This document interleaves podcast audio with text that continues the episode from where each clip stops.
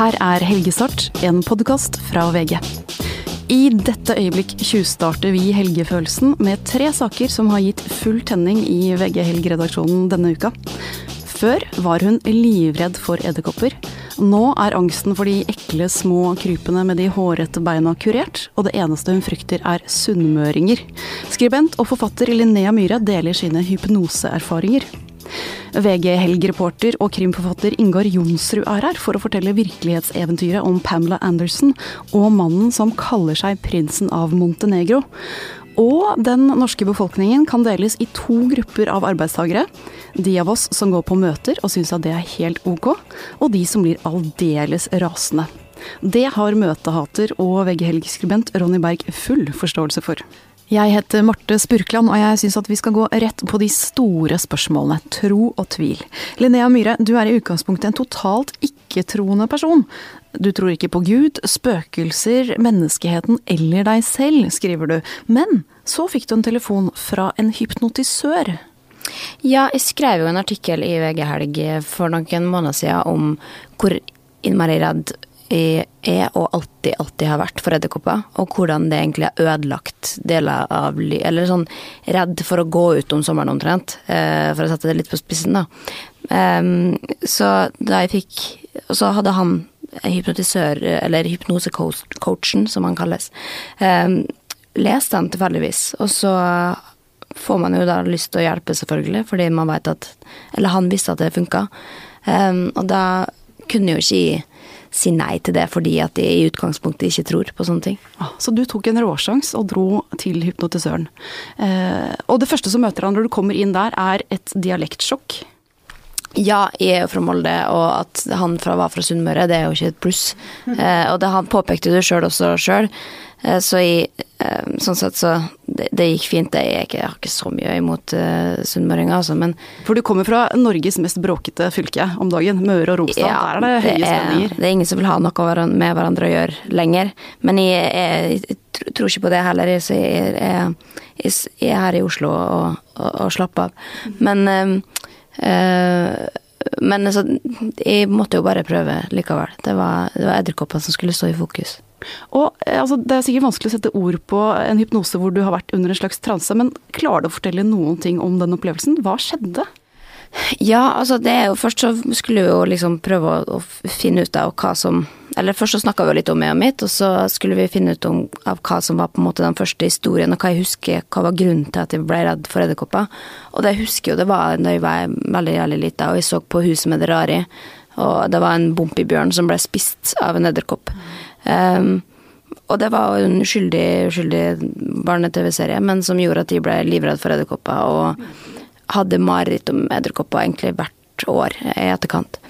Og, men da kom, da vi liksom gikk inn i Når han først begynte å, la, å be meg om å lukke øynene, så, eh, så var det liksom bare Han prøvde å sette meg, trekke meg bakover, se på det, den situasjonen. Eh, på at jeg så på meg sjøl sitte og se på TV. Eh, fra liksom langt unna, og så fra verdensrommet, at jeg skulle gå lenger og lenger fra på en måte prøve å tenke hva jeg tenkte på da jeg tenkte. så det, så det blei bare en sånn veldig sånn eh, Og så gikk alt veldig fort. Han snakka veldig, veldig sånn eh, intenst til meg mens jeg satt der. Og, jeg, og sakte, men sikkert så på en måte gikk jeg litt inn i den transa da, som, som jeg ikke egentlig trodde på i utgangspunktet. Um, men samtidig som jeg satt der også, så var jeg ved full bevissthet, så jeg, jeg følte at den mannen som sitter og, takker, og, snakker til meg, er gal. Fordi han liksom han var bare vært på hele tida og bare sånn ja, og nå tenk, og tenk, Hva tenkte du da? Og nå går fram, fram, tilbake, ut, inn. Og det var liksom sånn derre Herregud, han må være mental case. Jeg kan, hvis jeg vil, så kan jeg reise meg opp og gå og si du, takk for meg. Men eh, så var det likevel så spennende å være inni den der hvor jeg følte så ekstremt mye. Og jeg kjente øynene mine gikk fram og tilbake inni, inni hodet. og um, og jeg begynte å hylgrine uten at jeg egentlig hadde kontroll over det. Det var en sånn veldig sånn uh, Ja, veldig, veldig rar følelse å kunne være til stede så, så innmari samtidig som du liksom ikke har kontroll over noen følelse. Ja. Men da, du, da den eh, behandlingen var ferdig, eller den eh, sesjonen var ferdig, følte du da nå at angsten er over? Altså Var du overbevist umiddelbart, eller? Nei, det var jo ikke det, og han satt jo ikke noe med noe edderkopp. Han skulle ikke eksponere meg for det, og det sa han jo også. Jeg skal ikke vise det på skjerm, og det er ingen som skal komme her og vise det edderkopper. Fordi at det tar litt tid før det setter seg. Men jeg kjente det at for på begynnelsen da jeg gikk inn, så var jeg ti av ti redd. Eh, og så når jeg gikk ut, så sa jeg at det var, lå på tre, liksom. Ja. Men eh, det var på en måte bare det. Det er ikke sånn at ok, nå er jeg ikke redd lenger, og nå er det, er ikke et problem. Det bare han gjorde noe med måten de tenkte på edderkopper på, da. Um, som gjør at de tenker på det som et, mer et fenomen, som ikke er Før når de, tidligere når de tenkte på det, så tenkte de på beina og hårene, og at det var, plutselig så var edderkopper overalt i rommet der de tenkte på, og da fikk jeg Altså ble jeg liksom begynte å skvette bare snudde meg, liksom. Alt var edderkopper. Men nå er ikke det noe problem lenger. Nå er det mer at de har forståelsen av en edderkopp, og jeg vet ikke hvordan jeg reagerer hvis det hadde kommet en storfugl krypende bortover sofaen. Men jeg hadde ikke reagert på samme måte som jeg ville gjort for et halvt år siden. Da, eh, hvor jeg da hadde kasta laptopen i, i, veggen og knust den og sprunget og aldri kommet tilbake igjen. For det er som regel det jeg har gjort når jeg har sett en bitte, bitte liten edderkopp. Og du har, du har testa? Du har sett noen filmer med noen skikkelig ja, ekle edderkopper? Ja, jeg har søkt på, på YouTube. og så Først så kunne jeg jo ikke se et bilde på på eh, forsida av en nettside en gang, uten at de, at de, begynte å grine. Eh, så nå har jeg sett liksom lang, lange filmer om edderkopper, og vært litt fascinert der, rett og slett. Men jeg er fortsatt sånn litt sånn vil gjerne ha litt avstand, men jeg syns at Altså, de kan leve med det, da. Jeg, er ikke, jeg ikke på dem som, som monster lenger, sånn som jeg gjorde tidligere. Hvordan, hva tror du om dette her? Det, er det mer mellom himmel og jord? Er du blitt et bitte bitte litt mer troende menneske på akkurat dette området, eller er det placeboeffekten som bare har slått inn da du trengte den som mest? Du, altså, hypnose er jo reelt, det er jo ikke alternativ behandling. Eh, man kan jo utdanne seg til å, å, til å bli hypnotisør. Så um, han kunne jo Han fikk meg jo til å le, og jeg ler aldri på kommando. Så det er jo liksom Og han sa jeg kan godt få, så, få det til å stå på et bein og si kykeliky også. Jeg fikk uh, hypnose fungere, så Men det var bare at jeg aldri hadde prøvd det før og fikk se det med egne øyne, da. Men eh, så jeg tror, tror virkelig på hypnose. Det, det funker. Selvfølgelig kan hende at det ikke funker for alle, men og hvis det er en placeboeffekt i det også, så er jo det bare positivt, egentlig. Så lenge det får meg til å kunne leve med edderkopper. Mm. Du har jo oppheng på en del ting. Det har jo de som følger spalten din i Vegg Helg, vet det. Ehm, hva er det neste temaet du skal ta med til hypnotisøren, tror du? Um, jeg har tenkt litt på det, men det blir jo kanskje først og fremst da sunnmøringa, da. Vi skal videre til prinsen og blondinen Pamela Anderson og prins Stefan av Montenegro. Ingar Jonsrud, dette er en historie som du ganske enkelt snublet over da du fotfulgte Pamela Anderson noen dager i Stockholm i høst? Det stemmer. Eh, vi møtte Pamela Anderson i Stockholm i oktober, for da skulle vi portrettintervjue henne. Og så På et punkt i dette her så fikk vi da utdelt et ark hvor det sto Pamela Andersens takketale etter at hun var blitt utnevnt til Grand Dame of Montenegro, som vi da ble bedt om å lese oss opp på forhånd, for hun ville gjerne snakke om dette her. Og så kom jeg inn og møtte Pamela. Pamela var en veldig kul, snill, eh, tøff dame. Eh, og så prater vi da litt om at hun var blitt utpekt til eh, Grand Dame of Montenegro, og hun forteller litt om prinsen av Montenegro og sånn. Og så, og så burde jo jeg tenkt på det allerede da. At er det ikke liksom et eller annet her som skurrer, et eller annet som ikke er helt på stell. Men det slo meg ikke før etterpå, når jeg kom tilbake igjen til Norge, så tenkte jeg det er jo pussig at hun har blitt adla i Montenegro, for Montenegro er jo en republikk. Så hvem er det da egentlig som Nettopp. Der våknet den gravende journalisten i deg, og jakten startet. Og du dro altså til Monaco og møtte prins Stefan under svært rojale og festlige omgivelser, egentlig. Og han sier at han tilhører Sernetic-slekten, som nedstammer fra selveste keiser Cæsar, og at han har både keiselig og kongelig blod i årene. Men ingen av de montenegrinske historikerne som du har snakket med, kjøper den forklaringen. Det er helt riktig. Eh, jeg eh, sendte først en henvendelse til montenegrinske myndigheter og spurte hvem er denne mannen, og så fikk jeg et kort svar tilbake. Han kjenner vi kun gjennom media. og så begynte jeg å grave mer, og så viser det seg det er en litt komplisert historie, men Montenegro har nemlig en prins men det er en helt annen prins, en helt annen familie. Oh, det er ikke han. Det er ikke han. Nettopp. Eh, Og han er anerkjent, denne andre prinsen er anerkjent av historikere og andre. Men, eh, men eh, min prins, når jeg da går til disse eh, historikerne i Montenegro, så sier de nei, nei, nei, denne slekten døde ut på 1600-tallet, eh, og eh, han er bare en bløff, påstår de. Eh, Så da dro vi til Monaco for å eh, møte mannen. Jeg hadde snakket med ham på telefon, veldig imøtekommende, hyggelig eh, type. Så dro vi ned, og der møtte vi han på et Hotell de Paris, heter det. Det ligger vegg i vegg med kasino i Monte Carlo. Det er utrolig fancy. Eh, og der nede blir han behandlet som en prins, det er det ingen tvil om. Der nede blir han sett på og behandla som en prins. Men han mener jo da at det er seierherrene som skriver historien, og at det er smålighet som gjør at ikke han anerkjennes. Så han står på sitt. Det er helt riktig. Han mener at her eh, han tilhører en slekt som har flyttet mye rundt i Europa. De har byttet navn, de har Det har vært kriger, det har vært Og så kommer frimureren inn i bildet, som har eh, sin interesse av å skrive historien. Seierherrene, som du sier. Mange har en, et ønske om å, å lage en alternativ historie, og dermed han han og hans familie, da, ifølge han, skjøvet ut av alle mulige konge- og adelsslekter. Og det kjemper han da nå for å få gjenopprettet. Nettopp. Og det han da gjør, er at han deler ut ordener. Ikke bare til Pamela, men til andre. Eh, Og du fant ut at det er hyggelig, ikke bare for de som får en orden og en tittel, men også for ham som gir. Ja, det eh, Han prinsen har en sånn fin måte å si det på, for han sier at at eh, ordener, ja det er jo de kongeliges valuta, det, sier han. For denne prinsen han er ikke en spesielt rik mann. Han bor i en liten eh, leilighet på grensa til eh, Monaco sammen med sin eh, samboer, eh, grevinne Stefania. Han, det er han som har gitt henne den grevinnetittelen. Eh, og eh, og for å finansiere noen av disse arrangementene og disse tingene han er med på, så gir han da bort, eller selger ordener. Og det koster eh, Kommer litt an på hvem du spør og eh, og eh, ja, kommer litt an på hvem du spør, men mellom 1000 og 2000 euro er en going rate for en riddertittel der.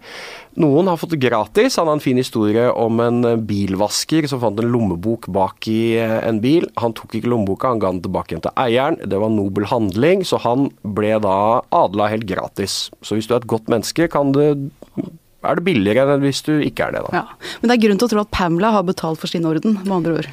Nei, det tror jeg faktisk ikke. Jeg tror at, fordi Han sier han har to det er jo to prosjekter han holder på med. Han vil ha oppmerksomhet rundt Montenegro, Montenegros historie og tradisjoner, men så vil han jo også gjøre sin familie kjent. Og Han er jo en smart fyr, så han har skjønt hvordan får jeg gjort min familie kjent? Jo, jeg knytter meg til kjente mennesker. Så han eh, har nok inngått en eh, avtale med, med eh, Pamela om at eh, hun får denne tittelen, og eh, han eh, speiler seg i hennes glans. Nettopp. Eh, og det er flere Hollywood-kjendiser som står i fare for, eller er så heldige og kan bli utnevnt til Ladies and Lords of Montenegro. Ja, det må jeg understreke at det er et rykte, da. Dette har jeg kun fra de folkene rundt prinsen. Jeg har ikke fått det bekreftet av denne Hollywood-stjernen selv. Jeg har prøvd, men, men møter bare en stengt e-postadresse. Men ryktene skal ha det til at Sharon Stone er neste, neste kvinne ut. Fantastisk. Da vet vi hva vi skal gjøre hvis vi vil ha en gjev tittel. Det er bare å kontakte prinsen av Montenegro. Dagens eh, siste tema er et som egentlig tilhører hverdagen mer enn helgen, nemlig jobbmøtene. Eh, Ronny Berg, du mener at det foregår en krig der ute på norske arbeidsplasser mellom de som elsker møter og de som hater møter. Og du selv, du er jo en møtehater. Jeg vet ikke om jeg er en møtehater, men jeg liker ikke å snakke i grupper. Da. Så det er mitt problem. Mange bruker møter som en arena hvor de blir sett og beundret og får bekreftelser, men jeg vil helst være usynlig, da. Men du er ikke alene om å være kritisk mot møter. Altså, forskningen sier jo at ikke alle møter er så veldig effektive og nødvendige.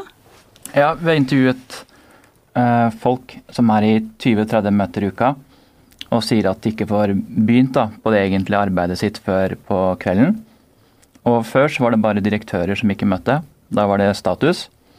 Men nå er alle i møter hele tiden, og det skaper mye frustrasjon.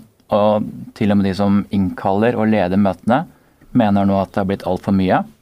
Fordi, altså, og Undersøkelser viser at 50-70% av møtetiden er tidsløsing.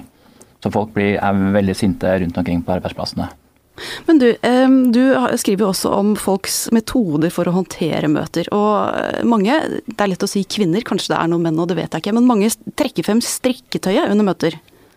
Ja, det er, virker som det er et sånt fenomen eller trend at stadig flere finner fram strikketøy og heklesaker. Det kan være for å få tiden til å gå, men mange av dem sier også at det hjelper dem da, veldig til å fokusere og konsentrere seg bedre om det som blir sagt på møtet. Okay. Uh, og så er det andre som reagerer på signaleffekten av å strikke, og blir veldig sinte fordi de strikker skjerf mens de selv bare må sitte der. Så um, der er det en, en sånn potensiell konflikt og krig. Og du fant jo da, eh, som den dyktige journalisten du er, en fyr som ble så sint over disse strikkedamene at han faktisk trakk fram en kniv under et møte. Ja, han Hva var det han kalte de? Sånn wannabe-kjerringene som satt og trakk fram strikketøyet. Så han hadde med seg kniv, og så begynte han å spikke på en medbrakt trepinne. Som en sånn protest da, mot møtestrikkerne. Det, men deres respons tilbake det var at mange menn de sitter og glor ned i en skjerm, og ingen skal komme og fortelle møtestrikkerne at de da har bedre fokus enn de som strikker. Men du har også snakket med mennesker som elsker møter. Altså, altså Hva sier de? Hva er det deilige med å gå i møter for møteelskerne? Mm, nei, jeg tror møtet har en sånn funksjon i forhold til at det skal være en, bygge en lagfølelse. At man er en gjeng. Eh, og at før så var det sånn at sjefen sa sånn blir det. Men nå skal alle være med å bestemme. Og det er jo noe fint med det òg. Eh, at eh, man blir involvert. Men forskning viser i denne saken her at de beste møtene varer aldri mer enn 30 minutter, og man har en veldig stram og klar agenda.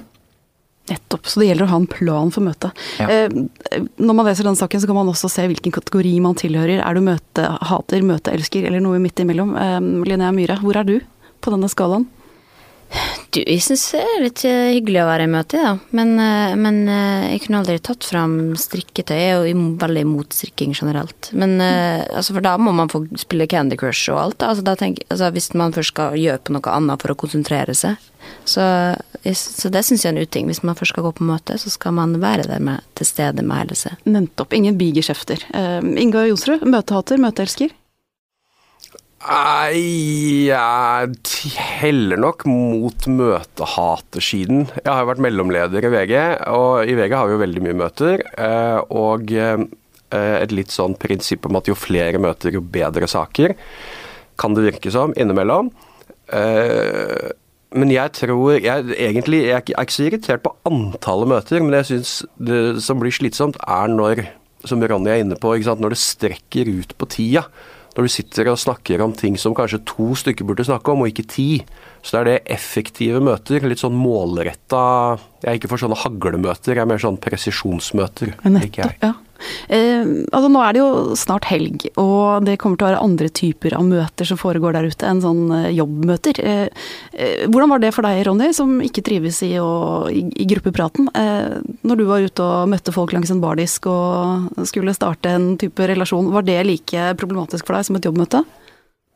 Mm, nei, ikke, altså nesten Nei, ikke helt. Fordi jeg tror at møter også er litt sånn prestasjonsarena, lite grann, da. Altså, jeg føler at når jeg er utenfor den eh, møteromsdøra, så kan jeg si noe klokt om journalistikk, f.eks. Men når jeg kommer inn, så går det ikke så greit. Men over til Spar, ja. Eh, nei, jeg liker best små grupper privat òg. Én til én syns jeg er kjempegod. Så når det blir store grupper av mennesker, da må jeg iallfall bedøve meg med alkohol.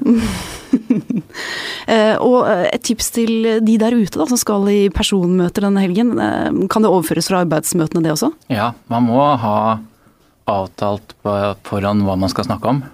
Så man har en klar agenda. Og ikke bare sitte der. Ikke la tida dra ut for mye, men komme seg hjem hver til sitt. Ja. Hver til sitt også, ja. Nettopp. Ja.